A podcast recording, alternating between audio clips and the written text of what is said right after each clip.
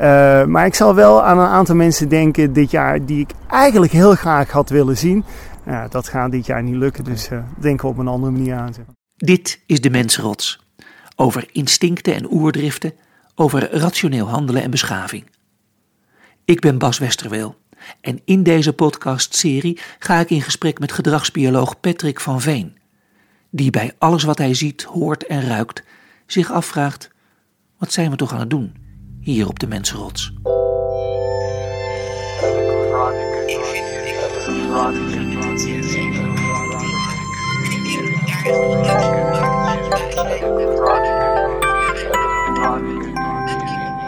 Uh, nou, iedereen is bezig met een soort jaaroverzicht.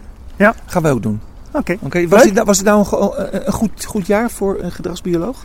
Nou, een exceptioneel jaar? Ja, als je, als je mensen observeert, dan is dit een heel exceptioneel uh, jaar. Ja. En, en er gebeurt zoveel, maar er gebeurt zelfs zoveel dat we denk over vijf jaar daar nog over praten. Waar ik wel enorm van baal, is dat we vanuit gedragsbiologie ook heel veel dingen hebben gemist. Want als je echt wetenschappelijk onderzoek wil doen, dan moet je eigenlijk in een normale tijd observeren. En dan moet je allerlei aantekeningen bijhouden. En dan ga je kijken wat is de impact van de verandering. En er zijn heel veel dingen veranderd waar we eigenlijk veel meer onderzoek naar hadden moeten doen. Ja, dat hebben we even gemist. Maar nog steeds is er zoveel te zien en te observeren ja, ja. en waar te nemen. Daar hebben we het er vorige keer al over gehad natuurlijk ook. Over de, de pandemie en de crisis hoe we dan uh, aan het verhouden zijn. Uh, je hebt toen een vergelijking eventjes gemaakt met de genoes en de kuddegedrag. Uh, het vaccin staat voor de deur nu. Hè? We kunnen gevaccineerd worden. Gaan we ons dan ook gedragen als genoes? Nou ja, het, bijzondere is dat vaccin levert ook wel weer hele interessante discussies op. Hè? Want, want, moet je wel vaccineren, niet vaccineren. Uh, maar ik verwacht dat als dadelijk het vaccin echt beschikbaar is, ja, dan, dan gaan we toch gewoon allemaal blind achter elkaar aanlopen. En uh, staan we straks met z'n allen gewoon in de rij om dat spuitje te gaan krijgen. Uh, want dat is hoe het heel vaak werkt. Hè. We, we, discussiëren heel veel vooraf, maar op het moment als het daar is, ja, dan volgen we gewoon de buurman. Want als die de auto start om te gaan rijden, dan rijden we gewoon erachteraan naar het vaccinatiecentrum. Dat verwacht je? Of dat... Ja, dat verwacht ik wel. Kijk, heel vaak wat je merkt is dat die discussie die er uitgetild wordt, is maar een heel beperkt aantal mensen. En ja. straks gaan misschien 30, 40 procent van de mensen zich niet vaccineren, waarvan misschien 10 procent echt overtuigd zich niet gaat vaccineren. En, en, en de rest van de mensen, ja, die twijfelen een beetje, maar die gaan dadelijk wel achter de massa aanhollen. Kijk, heel veel mensen zeggen nu al, ja, ik weet het nog niet en ik moet het allemaal zien. Maar wat je vaak ziet in dit soort dilemma's, is dat de massa die twijfelt, die volgt uiteindelijk wel de grote massa. Dus waar als, als straks de eerste mensen zijn begonnen met vaccineren, dan zie je dat de grote massa die nu nog twijfelt, er achteraan gaat hollen. Oké. Uh, dat, dat staat er aan te komen. He, nu even ja. terugblikkend op uh, dit jaar. Dus die pandemie kwam, daar zijn we met z'n allen heel erg van geschrokken. Uh, was dit ook te verwachten in gedrag dan hoe we daarop gereageerd hebben? Of kan je zoiets niet verwachten?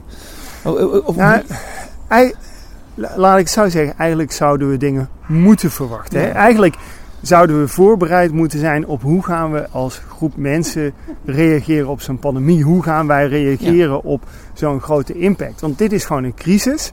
En een crisis kan altijd voorbij komen, of het nu een pandemie is of een terrorisme-aanslag. Maar, maar dit was iets waar, waar, ja, eigenlijk, we waren daar niet op voorbereid. Er zijn filmscripts over geschreven.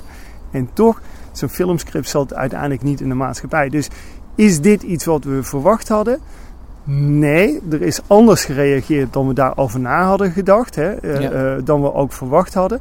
Uh, maar eigenlijk is dat nog wel mijn grootste verwondering. Dat we niet ergens in een laadje een soort script hadden liggen. Zo van, als er nu een grote pandemie uitbreekt, dan gaan we op die manier reageren. Ja, dat hadden we niet. Maar is het dan te verwachten dat we het de volgende keer dan wel hebben? Wordt zo'n schrift, zo'n onderzoek geschreven? Komt dat wel in een later liggen? Nee, waarschijnlijk. Uh, uh, want hoe werkt dat uiteindelijk? Uh, is hetzelfde als je morgen een grote brand hebt. Dan gaan we overmorgen gaan we de, de, de, de, de drill in uh, plannen. Hè? Dan gaan we de brandoefeningen gaan we inplannen. Maar na vijf jaar zijn we dat vergeten te blijven doen. En dat, dat gebeurt ook bij zo'n pandemie. Want wat je ook moet realiseren is dat je kunt nu wel iets schrijven. Maar over vijf jaar ziet die wereld ook echt heel anders uit. Hè? Als je nu bijvoorbeeld terugkijkt... Uh, 2010, uh, of, of bijvoorbeeld SARS-virus, hè, toen dat uitbrak, meer tien jaar geleden is dat geloof ik al. Hm. Ja, weet je, social media bestond gewoon niet. Mensen waren ook minder aan het reizen. We zijn elk jaar gaan we meer over de wereld heen reizen. Dus uh, uh, het bizarre is uiteindelijk dat ja, die wereld verandert zo snel dat je ook continu zo'n script moet je ook wel blijven bijwerken, moet je ook blijven aanpassen. En vaak zie je wel dat mensen, hè, we zijn heel erg bang als die leeuw voor de deur staan en dan raken we in paniek en dan gaan we met z'n allen hollen. Maar ja, als die leeuw uh, weg is, gaan we gewoon weer rustig grazen en dan zien we wel weer wat er morgen gaat gebeuren. Zouden we ooit erg goed in worden in ons gedrag om zeg maar er van tevoren iets op te bedenken wat ons zal gaan helpen dan? Ik hoop van niet. Want dat betekent uiteindelijk dat als je daar zo op voorbereid bent, betekent ook dat je voortdurend in die angst leeft. En nu zullen heel veel veiligheidsexperts zullen roepen: ja, maar dat is juist de kern. Hè? Train voor het onverwachte. Alleen wat je wel moet realiseren is dat. Eigenlijk zou je dat misschien helemaal niet moeten willen, want dat betekent dat het ook heel vaak voorbij gaat komen. En mm. wij mensen, we worden uiteindelijk lui, hè? We, we gaan het allemaal wel aannemen, het komt wel. En of dat nu een financiële crisis is, of een bankcrisis, of een pandemie met een virus.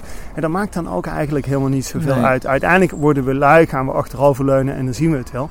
En misschien is dat ook wel goed, want het betekent uiteindelijk ook dat het heel veel jaren goed gaat. Heeft het ons ook iets goeds gebracht in ons gedrag, weet jij? Nou, weet je, wat ik denk wat het ons gaat brengen, of het ons al iets goed heeft, heeft gebracht, maar wat het ons vooral gaat brengen, is dat we hopelijk dadelijk eens gaan nadenken over wat is onze verhouding ten opzichte van de natuur. Uh, en een van de eerdere podcasts hebben we al erover gehad. Hè. We zijn misschien heel erg gefocust op politici en wat er allemaal in de wereld gebeurt.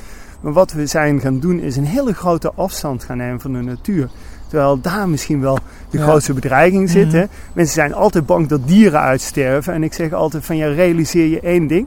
Er is maar één soort die echt gaat uitsterven en dat is de mens. Daar zijn we zeker van. Er komt ooit een moment dat wij het niet meer gaan redden. Uh, en de natuur gaat wel overleven. Ondertussen zijn ook heel veel soorten verdwenen, dat willen we misschien niet. Maar uiteindelijk zeg maar, de natuur overleeft, de mens die sterft ergens uit. En, en, en dat bewustzijn, ja, dat zie je, dat is heel vaak bij mensen niet aanwezig. We zijn heel ver weg van uh, die natuur gedreven. Hmm. Uh, en ik hoop dat dat weer ergens terug gaat komen. Dat we in ieder geval dat bewustzijn hebben. Dat we denken, hé, hey, wacht even. Maar wat is onze verhouding ten opzichte Ja, want je zegt bewustzijn, kweek, dat, dat, daar, daarin ga ik met je mee. Maar de bemoeienis met de mens, van de mens met die natuur, dit, dit heeft niet heel veel goeds gedaan. Tot nee, nee, helemaal niet. Nee, maar, dus... maar, maar de, de, het bewustzijn dat wij een afhankelijkheid hebben van die okay. natuur, dat is wel een heel grote. Uh, bewustzijn dat wij bijvoorbeeld, nou ja, we denken toch dat die pandemie uiteindelijk ontstaan is door een zoonose. Een zoonose is een ziekte die van dieren op mensen overgaat. Wat overigens met heel veel ziektes gebeurt. Hè. Uh, en, en, en telkens als er weer gebeurt, zeggen oh, daar moeten we mee oppassen. En toch gaan we morgen weer precies hetzelfde verder als dat we gisteren hebben gedaan. Ja. En dat zijn bijvoorbeeld, hoop ik, lessen die we gaan meenemen. Dus jij spreekt je hoop uit dat we er lessen van leren aan het zijn, al aan het leren zijn. En straks hebben geleerd ervan. En misschien, misschien kan dat dan meehelpen om ja, plannen in laas te krijgen, toch over de wereld waarop wij leven, die mensenrots. Ja, maar het, het, het grappige is, wat je heel weinig, eigenlijk grappige eigenlijk om te huilen is het, wat je merkt, hè, dit is hopelijk de les die we gaan uh, leren. En toch zie je dat we daar heel weinig mee bezig zijn. En we zijn heel weinig bezig op dit moment om na te denken: wat is onze verhouding ten opzichte van die natuur?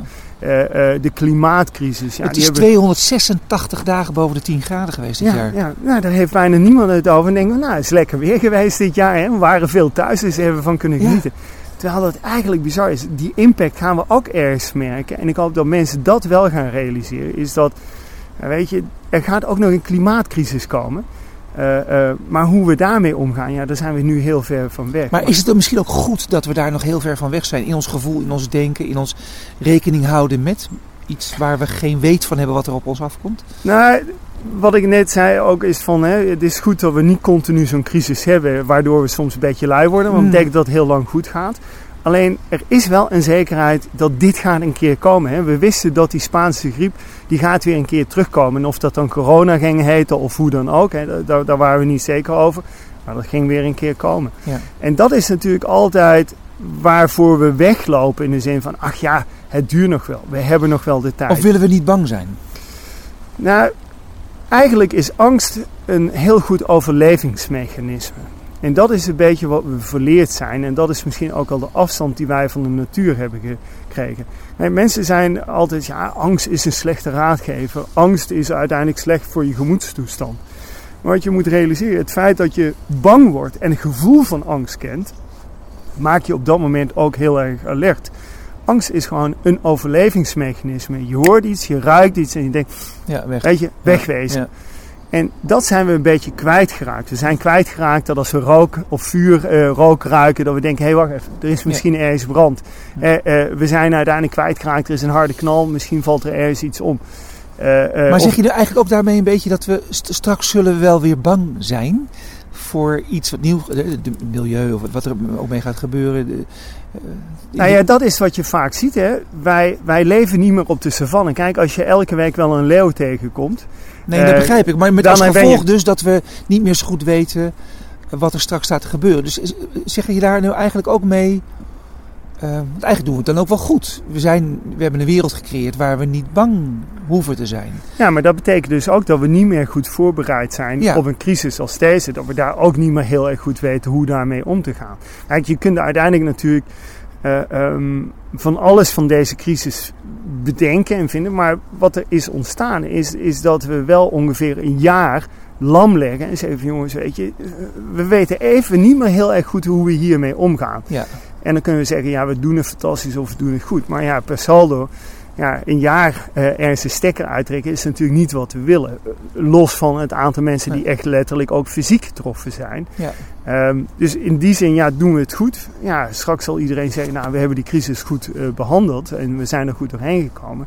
Maar ja, je moet uiteindelijk wel kritisch kijken, is dit uiteindelijk hoe je met zo'n crisis om wilt gaan? Ja. Ja, want er zit iets heel belangrijks in. Ook, daar moest ik eh, onderweg hier naar dit gesprek toe ook over nadenken. Over, en daar hoor je steeds meer, nu ook jongeren uh, die zich daarbij aansluiten, bij die grotere groep van eenzamen. Ja. er komt steeds meer eenzaamheid aan. Dat is voor een gedragsbioloog natuurlijk een interessant fenomeen om na te denken over. Ik zie al lachen. Maar in wezen is het natuurlijk een klote gevoel, eenzaamheid, weet je wel. Of niet? Ja. Nee, nou, laat ik één ding al. Eh, weet je, het, het, het, bizarre is, wij, wij hebben een hekel aan klote gevoelens. Hè? Want uh, uh, angst, dat mag niet meer. Kinderen mogen niet meer bang zijn. Maar angst is uiteindelijk een overlevingsmechanisme. Eenzaamheid is in die zin ja, gewoon een klote gevoel. Maar het heeft ook zijn functie. Eenzaamheid betekent ook dat als je alleen bent, dat je op zoek gaat naar sociale context. En uh, een van je eerste vragen vandaag was: hè, wat leert ons deze uh, uh, crisis? Is dat we misschien ook weer sociaal contact gaan waarderen. Dat we ook de mens naast ons gaan waarderen. Dat we ook misschien dadelijk ook mensen weer bewust gaan opzoeken. Maar wat nu ook wel gebeurt, is dat een hele groep, grote groep getroffen wordt door eenzaamheid. En het idiote is, als, als we over eenzaamheid praten, dan zie je politiek roept dan altijd het eerst de ouderen, ja. hè, de bejaarden. Terwijl de grote groep eenzamen zijn, natuurlijk zit daar een hele kritische groep, maar denk ook aan jongeren die bijvoorbeeld nou ja, single zijn en s'avonds toch alleen uh, op de bank zitten. Ja. Uh, mensen die gescheiden zijn, de kinderen het huis uitgevlogen ja. zijn, uh, die opeens eenzaam worden. mensen die opeens nou ja, met pensioen gaan en van dag één nog actief midden in een maatschappij, in een organisatie zaten en opeens hun leven weer opnieuw moeten gaan inrichten. Mensen die door bijvoorbeeld beperkingen, auditieve beperkingen, visuele beperkingen, ja, ook uitgesloten zijn van een stukje sociale communicatie. Ja. Dus die groep mensen die eenzaamheid ervaren, dat is een immens grote groep. Er is ook onderzoek naar gedaan. En ja, als je die aantallen wel eens hoort in steden, dan is dat immens. Hm. Wat vaak het dilemma is, is dat we niet goed zijn in het zoeken naar hoe gaan we eenzaamheid oplossen. En de impact van eenzaamheid wordt ook heel vaak onderschat. Ik zeg altijd, als je een chimpansee, wat een sociaal dier is, eenzaam opsluit, gaat hij uiteindelijk van eenzaamheid dood. Uh, uh, dat zijn fysieke beperkingen. Uh, dat zijn beperkingen omdat hij uiteindelijk zeg maar, die sociale onthouding heeft invloed op de hormonen. vaak gaan ze dan uiteindelijk niet meer eten of ze gaan juist obesitas vertonen en zich overeten. Dus ja, die eenzaamheid leidt heel vaak niet alleen tot psychische problemen, maar ook heel veel fysieke problemen. En dat is bij mensen niet zo heel veel anders. Mensen die eenzaam zijn, gaan ook eerder dood. En, en dat is natuurlijk wel een dilemma waar je tegenaan loopt. En, en, hoort eenzaamheid bij, wel, dat hoort er gewoon ook wel bij leven? Dat mensen af en toe even alleen willen zijn. Misschien dat is, daar ligt iets tussen. Tussen eenzaamheid en alleen zijn is natuurlijk een verschil. Je kunt alleen zijn, kun je voor kiezen of heel bewust voor kiezen. Om even afgezonderd te zijn van de sociale groep, van de groep. Ja, ik, ik, ik, ik denk dat wij mensen heel slecht tegen angst kunnen. En dit is een angst waar heel veel mensen ook echt bang voor zijn. Ja. Ehm, en, en wat je altijd moet realiseren, er spelen twee totaal verschillende mechanismes. Eentje is, we zijn heel bang geworden voor verveling. Wat moet ik met mijn tijd gaan doen? Uh, alleen verveling is iets heel anders als eenzaamheid. Ja. Heel veel mensen vervelen zich ook in deze tijd, omdat ze normaal gesproken een dagbesteding hebben. Uh, en en, en nou ja, ze gaan naar het werk of, of ze hebben allerlei verplichtingen en die vallen opeens weg. En dan hebben ze gewoon geen tijdsbesteding meer. En voor die mensen kan het helpen om een computerspel aan te schaffen. Uh, of een puzzelboekje te nemen. Of gewoon een lekker boeken te nemen of muziek te luisteren. Uh, die moeten vaak het ritme weer vinden. Die moeten gewoon een nieuw. En ik denk dat heel veel mensen in deze uh, crisistijd afgelopen jaar hebben ontdekt. Ik moet mijn ritme weer vinden om mijn dag vol te krijgen. En dat is iets wat heel veel mensen dan, dan benoemen als eenzaamheid. Maar het is eigenlijk veel meer de verveling en de gewoonte vinden om dingen te doen. En, en dat los je ook op een hele andere manier op dan, dan eenzaamheid. Ik zeg altijd als je naar dieren kijkt, je hebt solitaire dieren. Die krijgen juist stress om omringd te worden met anderen, maar ze kunnen zich wel vervelen. He, dat is gewoon dat ze een dagtijd niet kunnen invullen. Eenzaamheid is echt een, een, een gevoelstoestand die heel verschillend kan ontstaan. Je, je kunt uh, in een hele grote groep mensen zijn en je toch uiteindelijk eenzaam voelen. En dat heeft er met name mee te maken dat je uiteindelijk niet die verbinding naar andere mensen voelt. Mm. dus dat betekent, je kunt niet je gesprek kwijt, je kunt niet je emoties delen, je kunt niet je gemoedstoestand delen. Um, en dat is vaak, die, die, die eenzaamheid is veel meer ook wat wij met communicatie doen. we gaan even met iemand een praatje maken. Bij aanpraten even lekker met elkaar lopen vlooien. Um, en, en dat is natuurlijk wel een dilemma. Mm um, wij mensen, wij zijn uh, uh, heel erg afhankelijk van anderen om ons uiteindelijk lekker te voelen.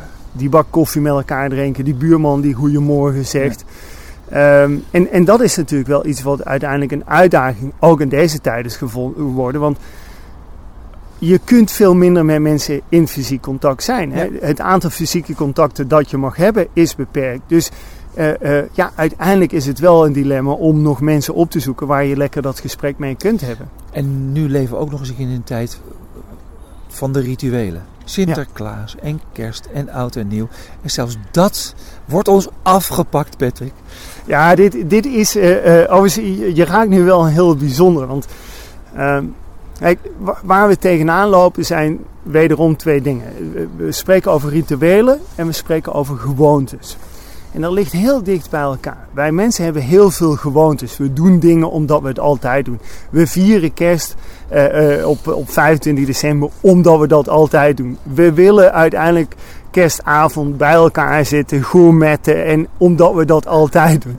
Ja. Al, al, vinden we het elk jaar weer stront vervelend. Maar ja, we doen het volgend jaar toch maar weer. Want ja, ja. Eh, en dat zijn gewoonten. Wat is nu het verschil met een ritueel? Een ritueel heeft vaak nog een onderliggende betekenis.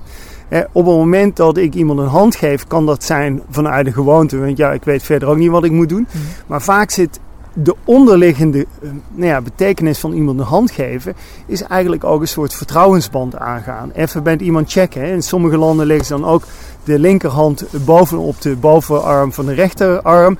Om eigenlijk aan te geven, joh, ik ben ongewapend. Dus er zit in zo'n ritueel zit altijd een tweede betekenis. Mm -hmm. en, en nu is natuurlijk de grote vraag, is kerst nu een gewoonte? Want eigenlijk gewoontes, weet je, daar moet je even goed gesprek over hebben. Mm -hmm. En dan gooi je het overboord. Lekker belangrijk. Mm -hmm.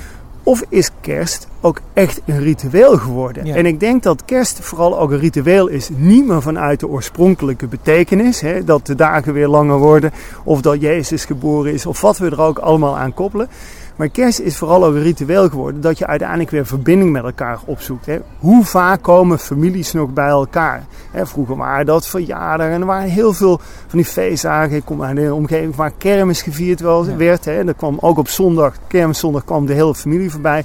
Nou, dat is allemaal verdwenen. Ja. Maar een van de weinige rituelen die overeind is geworden in die sociale verbinding, dat is kerstmis. En ik denk dat daar juist ook bijvoorbeeld ja, die weerstand in ontstaat, is dat, ja, weet je, uh, dat opzoeken van elkaar. Contact maken, mensen opzoeken. En dat is natuurlijk het grote dilemma. Dat, ik denk dat heel veel dingen die we doen zijn gewoontes. Nou, weet je, daar kun je uiteindelijk een streep doorzetten. Dat doet misschien vijf minuten pijn. Mhm.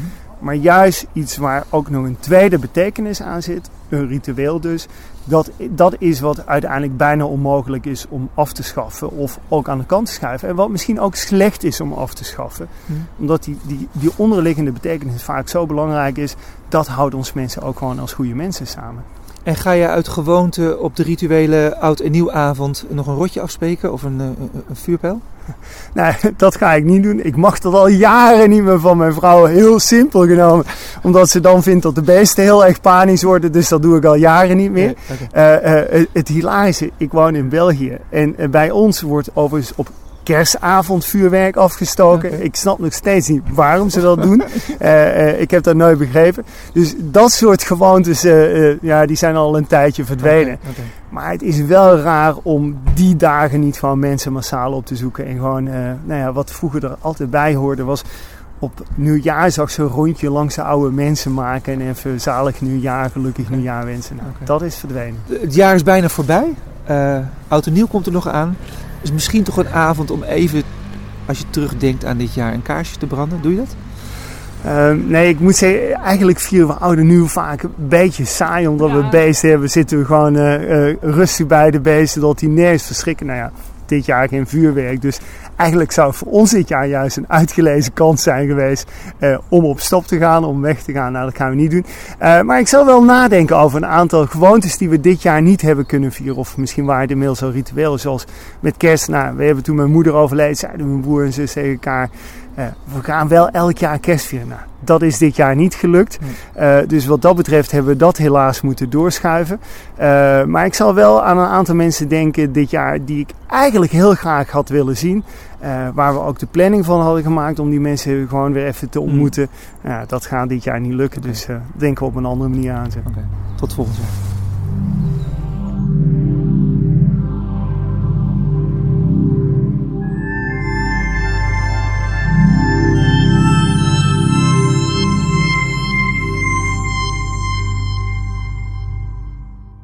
Dit was De Mensenrots. Abonneer je nu op deze podcast via Spotify, iTunes of jouw favoriete podcastplatform en ontvang elke week een nieuwe aflevering vol vergezichten en hersenspinsels.